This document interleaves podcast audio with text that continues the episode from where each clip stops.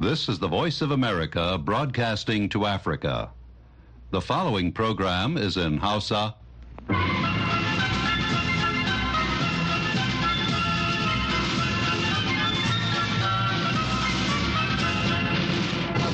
Sashen Hausa na murya Amurka ke magana daga nan birnin Washington DC.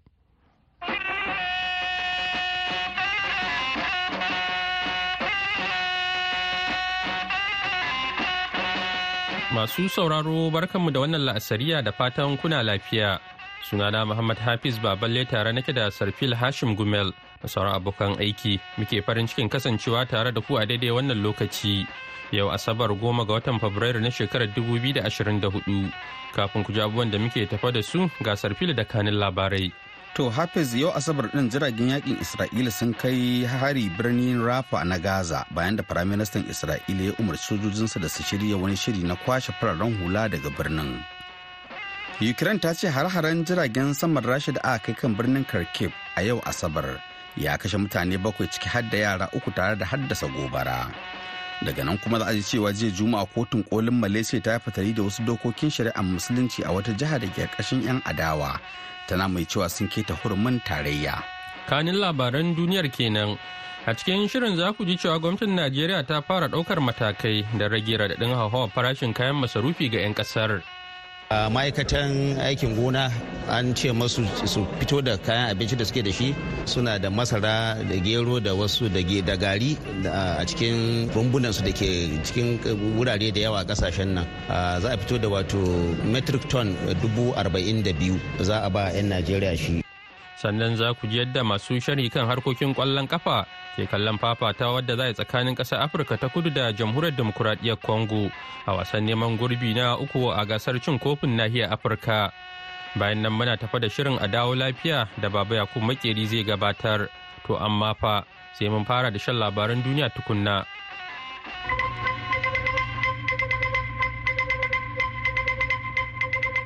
To jama'a assalamu alaikum da fatan an yi lafiya ga labaran duniya. Yau Asabar jiragen yaƙin Isra'ila sun kai hari a birnin Rafa na Gaza bayan da Firaministan Isra'ila Benjamin Netanyahu ya umarci sojojinsa da su shirya wani shiri na kwashe fararen hula daga birnin kan iyaka da kudancin ƙasar gabanin farmakin da ake sa ran za a kai ta ƙasa. Kamfanin dillancin labaran Associated Press ya ambato jami'an kiwon lafiya da kuma shaidun gani da ido sun bayar da rahoton cewa mutane 28 ne suka mutu a lokacin da aka kai hare-hare ta sama akan wasu gidaje a yankin Rafa. AP ta ce waɗanda suka mutun sun haɗa da yara goma. Ofishin Netanyahu ya faɗi jiya Juma'a cewa an umarci sojoji da samar da wani shiri na kwashe fararen hula a Rafa tare da lalata bataliyoyin Hamas huɗu da ya ce an tura wurin. Ba shi yiwa a cimma burin yaƙin kawar da Hamas ta hanyar barin bataliyoyin Hamas huɗu a rafa. In ji Netanyahu a cikin wata sanarwa, saboda haka a bayyane yake cewa tsananin yaƙi a rafa na buƙatar fararen hula su ƙaurace wa yankunan da ake gwabzawa. Ukraine ta ce hare-haren jiragen saman Rasha da aka kai kan birnin Kharkiv birni na biyu mafi girma a Ukraine. A yau Asabar ya kashe mutane akalla bakwai ciki har da yara uku tare da haddasa gobara ta lalata gidaje da sauran kayayyakin more rayuwa na fararen hula. Jiragen sama marasa matuki sun kai hari a yammacin Juma'a a kusa da Kharkiv birni na biyu mafi girma a Ukraine, in ji jami'ai. Gwamnan yankin Ole Sinhob ya rubuta ta kafar telegram cewa jiragen marasa matuƙa sun lalata ababen more rayuwa na farar hula a gundun manna kes na birnin harin da jiragen saman shahid na iran da iran ke kerawa ya haifar da wata gagarumar gobara da ta yi sanadiyar lalata gidajen jama'a kalla goma sha huɗu. Masu aiko da rahotanni da gidan talabijin na susplin sun wato sun ga yadda wata gobara tashi a cikin birnin. Rundunar sojan saman ukraine ta ce ta kabo jirage marasa matuka 23 daga cikin 31 da rashi ta harba. Victor tarshenko babban jami'in soja a viliki wani gari da ke gabashin kharkiv ya shaida sifline cewa jiragen marasa matuka sun lalata wani asibiti da gidan abinci. Jiya juma'a jam'iyyar imran khan ta gabatar da wato ta gabatar da abin da ta ce jawabin samun nasara ne na tsohon firaministan pakistan da aka ɗaure a ranar juma'a ta yin amfani da muryar khan da na'ura mai zurfin tunani. Ina taya ku murna da nasarar ku a zaɓen 2024 ina da cikakken kwarin gwiwa cewa duk za ku fito don kada ƙuri'a kuma yawan fitowarku ya ba wa kowa mamaki in ji muryar takan. Sakamakon na hukuma daga wato daga zaɓen na ranar alhamis ya nuna cewa gungun 'yan takara masu alaka da 'yan adawar kan pakistan tahrik insaf ko pti sun ɗauki mafi yawan kujerun majalisar. Sakamakon da aka samu ya zo ne bayan wani dogon jinkiri da ba a saba gani ba kuma a daidai lokacin da ake zargin magudi don nuna goyon baya ga jam'iyyun da sojoji ke marawa baya. To nan ba da jimawa Sarfilu zai kawo mana karashen labaran duniyar, amma kafin nan bari mu buɗe taskar rahotanninmu. Kwamitin ministoci da manyan jami'an gwamnati da shugaban Najeriya Bola Ahmad Tinubu ya kafa ya ba da sanarwa akan za a fitar da tan dubu arba'in da biyu na kayayyakin abinci iri-iri daga rumbunan ajiyar abinci da kuma shinkafa tirela dubu biyu daga 'yan kasuwa. Sai dai wasu 'yan najeriya sun yi kira da gwamnati da ta baiwa mabukata ba waɗanda za su sai da abincin ba. Daga abuja ga rahoton wakilin umar faruku musa. Gwamnatin tarayya ta ɗauki mataki na farko ma'aikatan aikin gona an ce masu su fito da kayan abinci da suke da shi suna da masara da gero da wasu da gari a cikin rumbunan su da ke cikin wurare da yawa a ƙasashen nan. Za a fito da wato metric ton dubu arba'in da biyu za a ba 'yan najeriya shi idan allah da kwanan nan za a yi wannan. Sannan na biyu an tabbatar da cewa kuma masu wato cashe wannan shinkafa suna saidawa wato milas kenan suna da shinkafa da yawa a store store ɗinsu. Mun yi magana da su za su fito da truck guda dubu biyu wato metric ton dubu sittin kenan a zo a saida ma 'yan najeriya. Ministan yaɗa labarai na najeriya kenan alhaji muhammad idris bayan da kwamitin da shugaban kasa ya kafa na ministoci da kusoshin gwamnati akan duba hanyoyin samar da abinci a najeriya ya share kwanaki uku yana tattaunawa tare da tsara yadda za a ba da wannan tallafi ga 'yan najeriya. Yana bayyana wa manema labaru sakamakon ayyukan kwamitin nasu bisa ga umarnin shugaba bola ahmed tinubu. To amma alhaji kabiru ibrahim faskari shugaban ƙungiyar manoma ta najeriya ya bayyana hanyoyi da matakan da ya kamata gwamnati ta ɗauka na bunƙasa noma tare da tabbatar da an shigo da na'urori na zamani kuma a ba da shi ga manoma bisa ga tsari na tallafi domin noma kowane ɓangare guda shida na najeriya ya samu bunƙasuwar irin abincin da wannan yanki ke buƙata. Maganar kimiyya a cikin noma wato tana da mahimmanci ƙwarai ana wadatar da manoma da da kayayyakin da duk za su sa su noma. A cikin kuɗi masu rahusa kuma na dindindin wato rangwame a wurin kaya na dindindin ba wai a yi na to ɗaya ba shi kenan. To sai dai domin kawar da matsalolin da akan samu gurin rarraba irin wannan tallafi ko abinci ga al'umma shugaban ƙungiyar na manoman Najeriya ya ce. Gwamnati ta ba wa'anda suke da buƙatar wannan ɗauki. Kar a ba mutanen da kuma za su maje su saida a yi kamar ba a yi ba. Kada kuma a ce sai mutum 'yan siyasa shi zai ba. Saboda duka 'yan najeriya gwamnati ta duka 'yan najeriya kada a kalli cewa sai in mai siyasa kaza ka ba. Saboda yawan yunwar ya addabi kowa. Duk ɗan najeriya ya kamata a yi. Abin tambaya shine kai kana ganin gwamnati kamata ya ta ba da wannan shinkafar ko abincin da za a fitar a kyauta ko kuwa a yanke farashin shi ta yadda mutane za su saya a rangwame? Yawwa a rangwame ne. Aka ba da kyauta ai shi ne za a samu matsala. Wato wurin raba shi ma banda za a riƙa yi inda za aka ajiye shi fasa wurin ma za a ɗauka tunda kyauta ne. Amma akwai dan kuɗin za a ba da to za a dan samu dama. Kuma ita gwamnatin Najeriya ma ai tana da kuɗin za ta ba kowa abun nan kyauta ne. To amma wani hanzari dai ba gudu ba. Gwamnatin Najeriya ita ma tana da nata tanadin. Akan waɗanda ke wa ƙasar zagon ƙasa ko kuma masu ɓoye abinci su ki fidda domin samun ƙasamar riba. Inda ministan yaɗa labarai na ƙasar muhammad idris yake bayyana irin matakan da za a ɗauka akan irin waɗannan mutanen. Waɗanda kuma suke ɓoɓɓoye wannan kayan abincin yan kasuwa ke su buɗe shagunan nasu saboda mutane su samu wannan abinci. Ba abu ba ne na alheri idan ana cikin matsatsi irin wannan kai kuma ka je ka sai kayan abinci ka je ka ɓoye a cikin shagonka.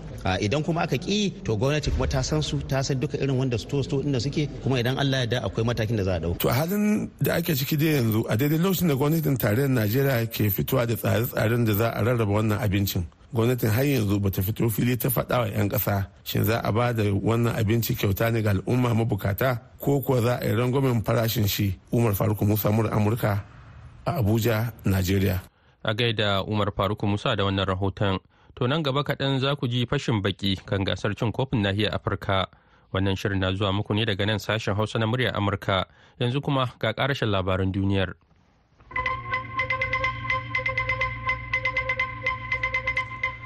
jiya juma'a kotun kolin malaysia ta yi fatali da wasu dokokin shari'ar musulunci a wata jihar da ke ƙarƙashin 'yan adawa tana mai cewa sun keta hurumin tarayya masu kishin islam sun yi tar da matakin kuma sun ce zai iya gurgunta kotunan addinin musulunci a faɗin ƙasar da ke da rinjayen musulmi a hukuncin da aka yanke wanda alkalai takwas suka amince. Kwamitin alkalan mai mutane tara na kotun tarayya ya soke wasu dokoki goma sha shida da gwamnatin jihar kalantan ta kafa waɗanda suka sanya hukunci suka kuma samo asali daga addinin musulunci kan laifukan da suka da luwaɗi da cin zarafi da lalata tsakanin 'yan uwan juna da saka suturar jinsin da ba na mutum ba da lalata har ma da lalata wuraren ibada. Kotun ta ce jihar ba za ta iya kafa dokokin musulunci akan waɗannan batutuwan ba saboda dokokin tarayya na malaysia ne ke da horumi daga ƙarshe an tuhumi wani mai sharhi kan zamantakewar ƙasar gambo cambodia da laifin tunzara jama'a tare da ɗaure shi a wani gidan yari bayan ya soki wani ministan gwamnati a shafin facebook. Lamarin da ya janyo cece kuce daga ƙungiyoyin kare haƙƙin bil'adama a yayin da aka kama wasu 'yan adawa a baya-bayan nan. Nainak mai shekaru 46 mai sayar da takin zamani da sauran kayayyakin amfanin gona yana gudanar da wani shahararren shafin Facebook na Cambodia mai suna Imank ya kasance mai tallace-tallace da bayar da shawarwari don haɓaka amfanin gona. nak ya kafe wani batu da ya shafi siyasa da gwamnatin cambodia a shafinsa mai kusan mabiya 425 lamarin da ke faruwa a yanzu ya samo asali ne tun a ranar 11 ga watan disamba kan wata kasida da kafa labarai ta yanar gizo cambodia jeli ta fitar inda ta bayyana ministan kwadago heng suwa a matsayin wanda ya samu kyautar fili mai faɗin hekta 91 nak ya hasashe a facebook za a iya amfani da filin ne don gina masana'antu ga jami'an ma'aikatar ta kwadago da koyar da sana'o'i. A cikin 'yan kwanaki masu zuwa duka jami'an ma'aikatar kwadago da firayim ministan han manet sun fito fili sun musanta cewa ministan ya karɓi filin kuma sun ce an wato an yi nufin wani mutum ne mai suna iri ɗaya.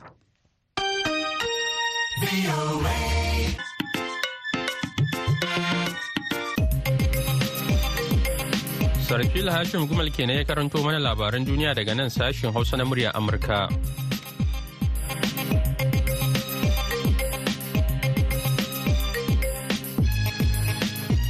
Madalla, yanzu kuma sai gasar cin kofin nahiyar Afirka da ake buga a ƙasa Coast. Yayin da ya rage 'yan sa'o'i kaɗan a buga wasan neman gurbi na uku a tsakanin ƙasar Afirka ta kudu da jamhuriyar demokuraɗiyyar Congo da ake ganin wasan zai yi zafi sosai.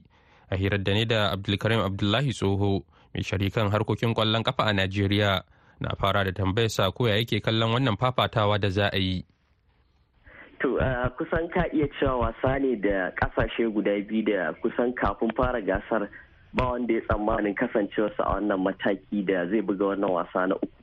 To amma sakamakon yadda kowannen su yi ƙoƙari fiye da a yadda ake tunanin zai yi gasu sun zo wannan mataki kuma za su buga irin wannan wasa.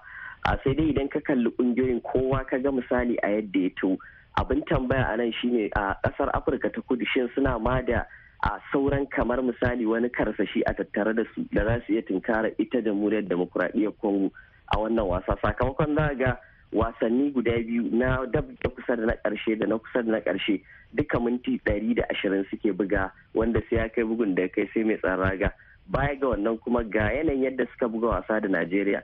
A yanayin da za ka iya cewa suna ganin kamar duk sun yi abin da za su iya samun nasara.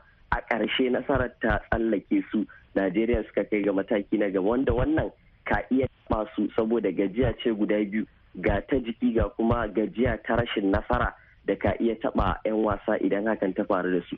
To amma idan ka ɗauka za ga a tarihi ba su da tarihi biyu a junansu a misali haɗuwa ce kusan ta farko a ita wannan gasa ta nahiyar afirka. Duk da sun haɗa wasannin sharar fage da sauransu a baya amma wannan shine karo na farko.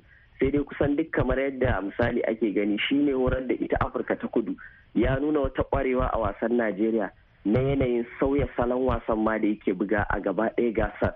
Abinda kuma ake ganin ya karɓe shi ya buga wasan da ya mamaye wasa da ƙasar da take da 'yan wasan da ake ganin sun fi nasa. Amma duk da haka shi yi wani abu. So da haka kwarewa wannan mai horarwa wanda tsohon zakara ne na ita wannan gasa da ƙasar kamar a shekarar 2017 ka iya yin tasiri matuƙa da gaske. Sai dai amma hasashe kusan ya fi kallon ita jamhuriyar demokuraɗiyyar congo a matsayin ƙasar da za ta iya lashe wannan wasa. Saboda wani tarihi da kusan za ka iya cewa a wasannin ta kusan na biyu da ta buga irin wannan mataki. Ta zo wannan mataki alif ɗari tara da shekarar dubu biyu da sha biyar. Duka a ƙarshe ita take karkarewa a mataki na uku. A wannan karin ma karo na uku ana saka ita jamhuriyar demokuraɗiyyar congo rai za ta iya yin wani abu. Kuma musamman mu ƙara da yanayin yadda ta to a gasar sai da ta tsallake rukuni ba ta samu nasarar wasa ba. Ta zo zagaye na biyu ta ƙara cinkarar ƙasar masar ta wuce ba tare da yin nasara a minti casa'in ba. So idan ka lura za ga har ta fice a wannan zagaye na kusa da na ƙarshe. Minti casa'in sau ɗaya ta nasara a wannan mintuna. Shine wasanta na dab da na kusa da na ƙarshe. A da ta buga da ita ƙasar gini kenan. To yanzu kana ganin kenan ƙarfi kamar ya zo ɗaya kenan? Eh ƙarfi ya zo ɗaya amma kusan kamar a gogewa da saba nasara a wannan mataki ka iya ba ita jamhuriyar demokuraɗiyyar congo damar kasancewa ta uku a gasar. To amma yaya ka kalli gaba ɗaya gasar tun da aka fara har zuwa wannan mataki da aka kawo na yanzu? Me ya bambanta ta da sauran gasannin da aka yi a baya? Na'am akwai wani abu guda ɗaya da za ka ɗauka wanda shine dabaru da aka sabunta a yadda aka tunkari gasar ta bana. Musamman dabaru na wasa da ƙasashe da dama za ga sun fito da salo a musamman salo na idan ban da ƙarfin da ake tunani zan tare sannan kuma yi abin da ake cewa counter attacking. Wannan dabarun sun yi tasiri. Sakamakon ƙungiyoyin duk da suka zo ƙarshen gasar idan ka kalle su za ga ƙungiyoyi ne da a wasannin da suka buga daban-daban. Babu wasan da suka fi abokin wasan su mallakar ƙwallo abin da ake cewa ball possession a turanci. Za ga amma a haka suke tsallakewa duk da an fi su mallakar ƙwallo. Sannan akwai wani abu da kuma ya kara a kayatarwa a gasar shine a yanayin yadda idan ka koma gasar da ta gabata shekarar 2021 a ƙasar kamaru ƙasashe takwas da suka zo mataki na dab da na kusa da na ƙarshe wata kuta final ko kasa ɗaya bata sake dawowa wannan lokacin ba. Sababbin ƙasashe ne suka sake da wanda a wancan lokacin duka aka cire su a farkon gasar. So wannan ya nuna an samu sauyi na ƙasashe sakamakon irin sauyi na yanayin ƙwallon da aka buga a gasar. Kuma wannan ci gaba ne ƙwarai da gaske. Mai sharhi kan harkokin ƙwallon kafa a Najeriya Abdulkarim Abdullahi Soho kenan a hirar da ne da shi. Yanzu kuma ga shirinmu na gaba. Matafiya a dawo lafiya. Jama'a barkanmu da sake saduwa da ku a wani sabon shirinmu na dawo lafiya. Baba ya ko makeri ne daga nan birnin Washington DC nake sallama da ku a daidai wannan lokacin.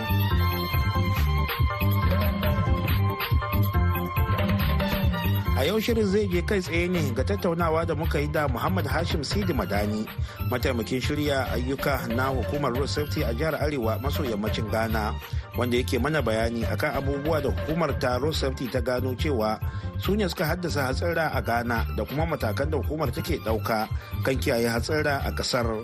Sidi Madani ya ce gudu fiye da kima da rashin kula da alamomin hanya su ne abubuwan da aka gano sun haddasa hatsara ababen hawa a shekarar 2023. uku ga kuma ci gaban tattaunawar. Na biyu shaye-shaye yana ciki. Ba shaye-shaye na ƙwaya ko wani abu ba. Wani energy drink da kansa da muke yawan sha. Irin wannan abubuwan sha mai ƙara kuzari kenan. energy drink sai ka ga mutum ya gaji. Sai ya ce tun da na zo na iske mutane a tasha ya kamata in doke in koma. alhalin tukin nan kana yi ya kamata ka samu lokaci da hutu. Idan kana tuƙi a kan hanya wai da za ka yi tuƙi da zai fi awa awa biyar. Ya kamata ka samu wani wurin da za ka samu wai mandatory stop. Sai sa idan mun duba za mu cewa fita kuma shi zuwa Ankara za ka gan wani wuri wai ya kamata ka je ka saya. Ba sayawa na cin abinci kawai ba ne. Tsayawa ne kai da kanka bai tuƙi ka samu hutu saboda in ka komo ka zamna ka iya ka samu kuzari na kanka wanda Allah ya baka. Ba na shan wani abu ba. Ka samu hutu idan ka zo ka zamna ka gan ka samu shi kenan za ka ci gaba da tafiya. idan ka fita nan zaka je can bisa idan ka kai kintampo wai akwai mandatory rest stop. Ka saya wai ba su suke tuƙi ba idan ka sauka ka dan walwale ka sauka kan cikin da kansa ya gaji. Haka. Ina ga bai tuƙi. Idan ka yi tuƙi fiye da awa biyu ya kamata ka raba tukin biyu. Ka yi tuƙi awa biyu da rabi ka samu wuri ka saya ka huta sai ka ci gaba da tafiya. Wannan yana gwada ka san aikinka ka san yadda kake tafiya da aikinka. Kuma idan kana tuƙi kaka bari passengers ka su nuna maka kai abin da za ka yi. Domin agari na faruwa da dama. Idan mun yi bincike za mu gan cewa shi mai tuƙi bai da matsala amma wani ɗaya daga cikin passengers su ne wayan da suka dame shi har hatsari ya faru. In ma za ka ji cewa ni na son sauri ne zan je in komo. Ya kamata direba ka taka ka yi kaza ka yi kaza. Ka gani wannan duka yana fin da hankali ka kai mai tuƙi a kan tuƙi da kai. Sai sa kana tuƙi ka san kamar wannan aikin da kake ofishin ka kenan. Kana ciki ka san irin tafiyar da za ka yi. Ka kai wani wuri muna cewa so da yawa ana cewa wai hanya rashin kyawun hanya yana kawo hatsari. Amma ni a gani na rashin kyawun hanya bai kawo hatsari sam.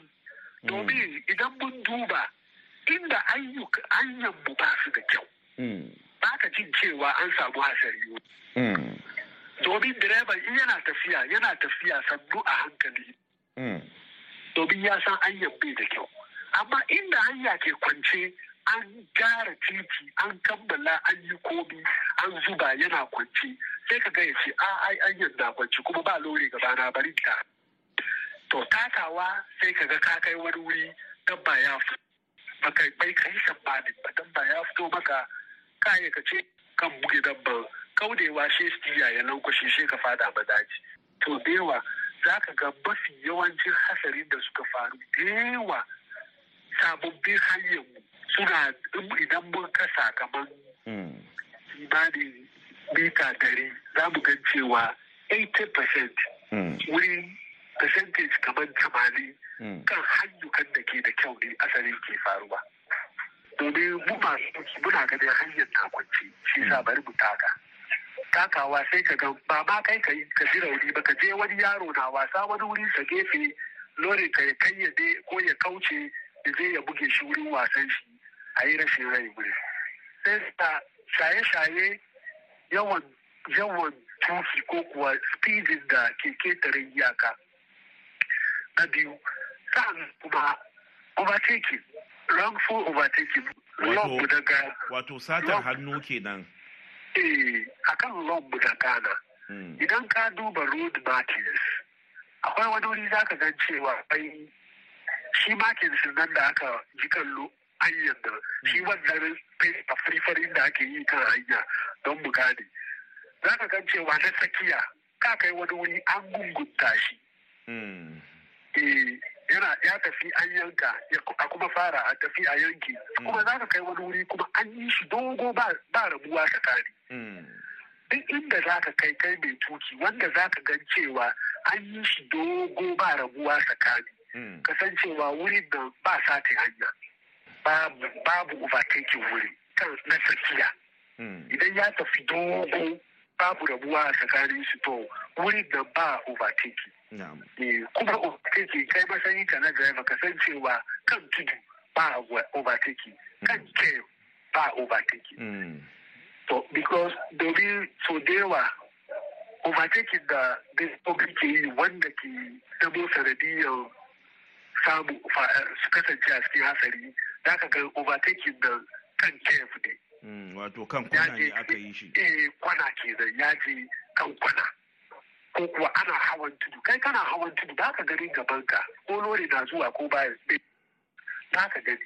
Sai sa kana hawa sai ka ga ka ci karo da matsala kenan ko kuwa kana gangarowa gangarowa ya za ka yi ka yi overtaking? Dole da shi wanda ya hawo shi wanda ke zuwa ya hawo da zai gangaro kai kuma kana hawa.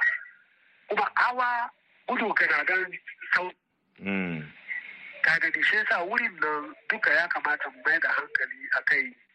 Iya so yan muna tuƙi mu mu samu sanaki da kwanciyar hankali a cikin ayyukanmu gaba da yadda.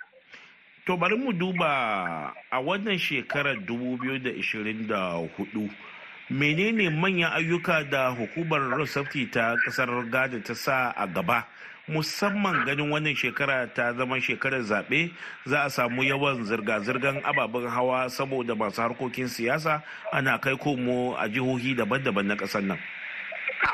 gaskiya ne na daga cikin ababen da salon da muka doki za mu yi aiki da shi.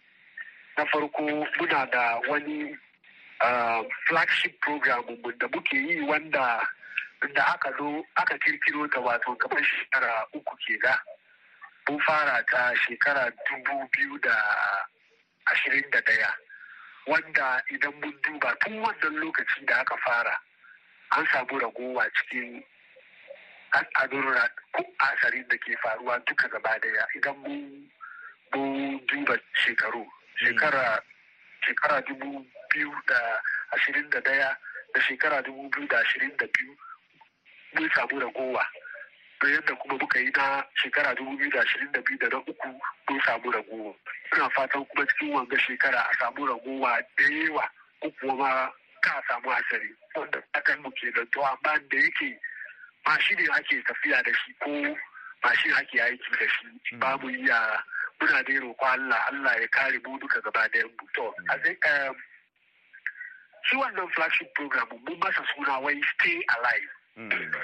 Stay alive wato za mu ce ka zamna lafiya kenan ko kuwa ka sauka lafiya. Ka kasance a raye na'am. A raye ka kasance a raye. To wannan stay alive program yadda muka saba kowane lokaci muna fita tashoshi muna yi ma drivers kashedi muna yi ma passengers da siya yadda ya kamata ka kasance idan kana cikin mota.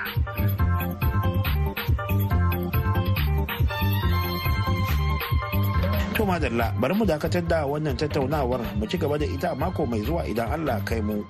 Yanzu a madadin bakon namu Muhammad Hashim Sidi Madani na hukumar Road Safety a Ghana da ma daukacin ma'aikatan sashen Hausa na muryar Amurka musamman Julie Lazar Gresham da ta daidaita mana sautin shirin.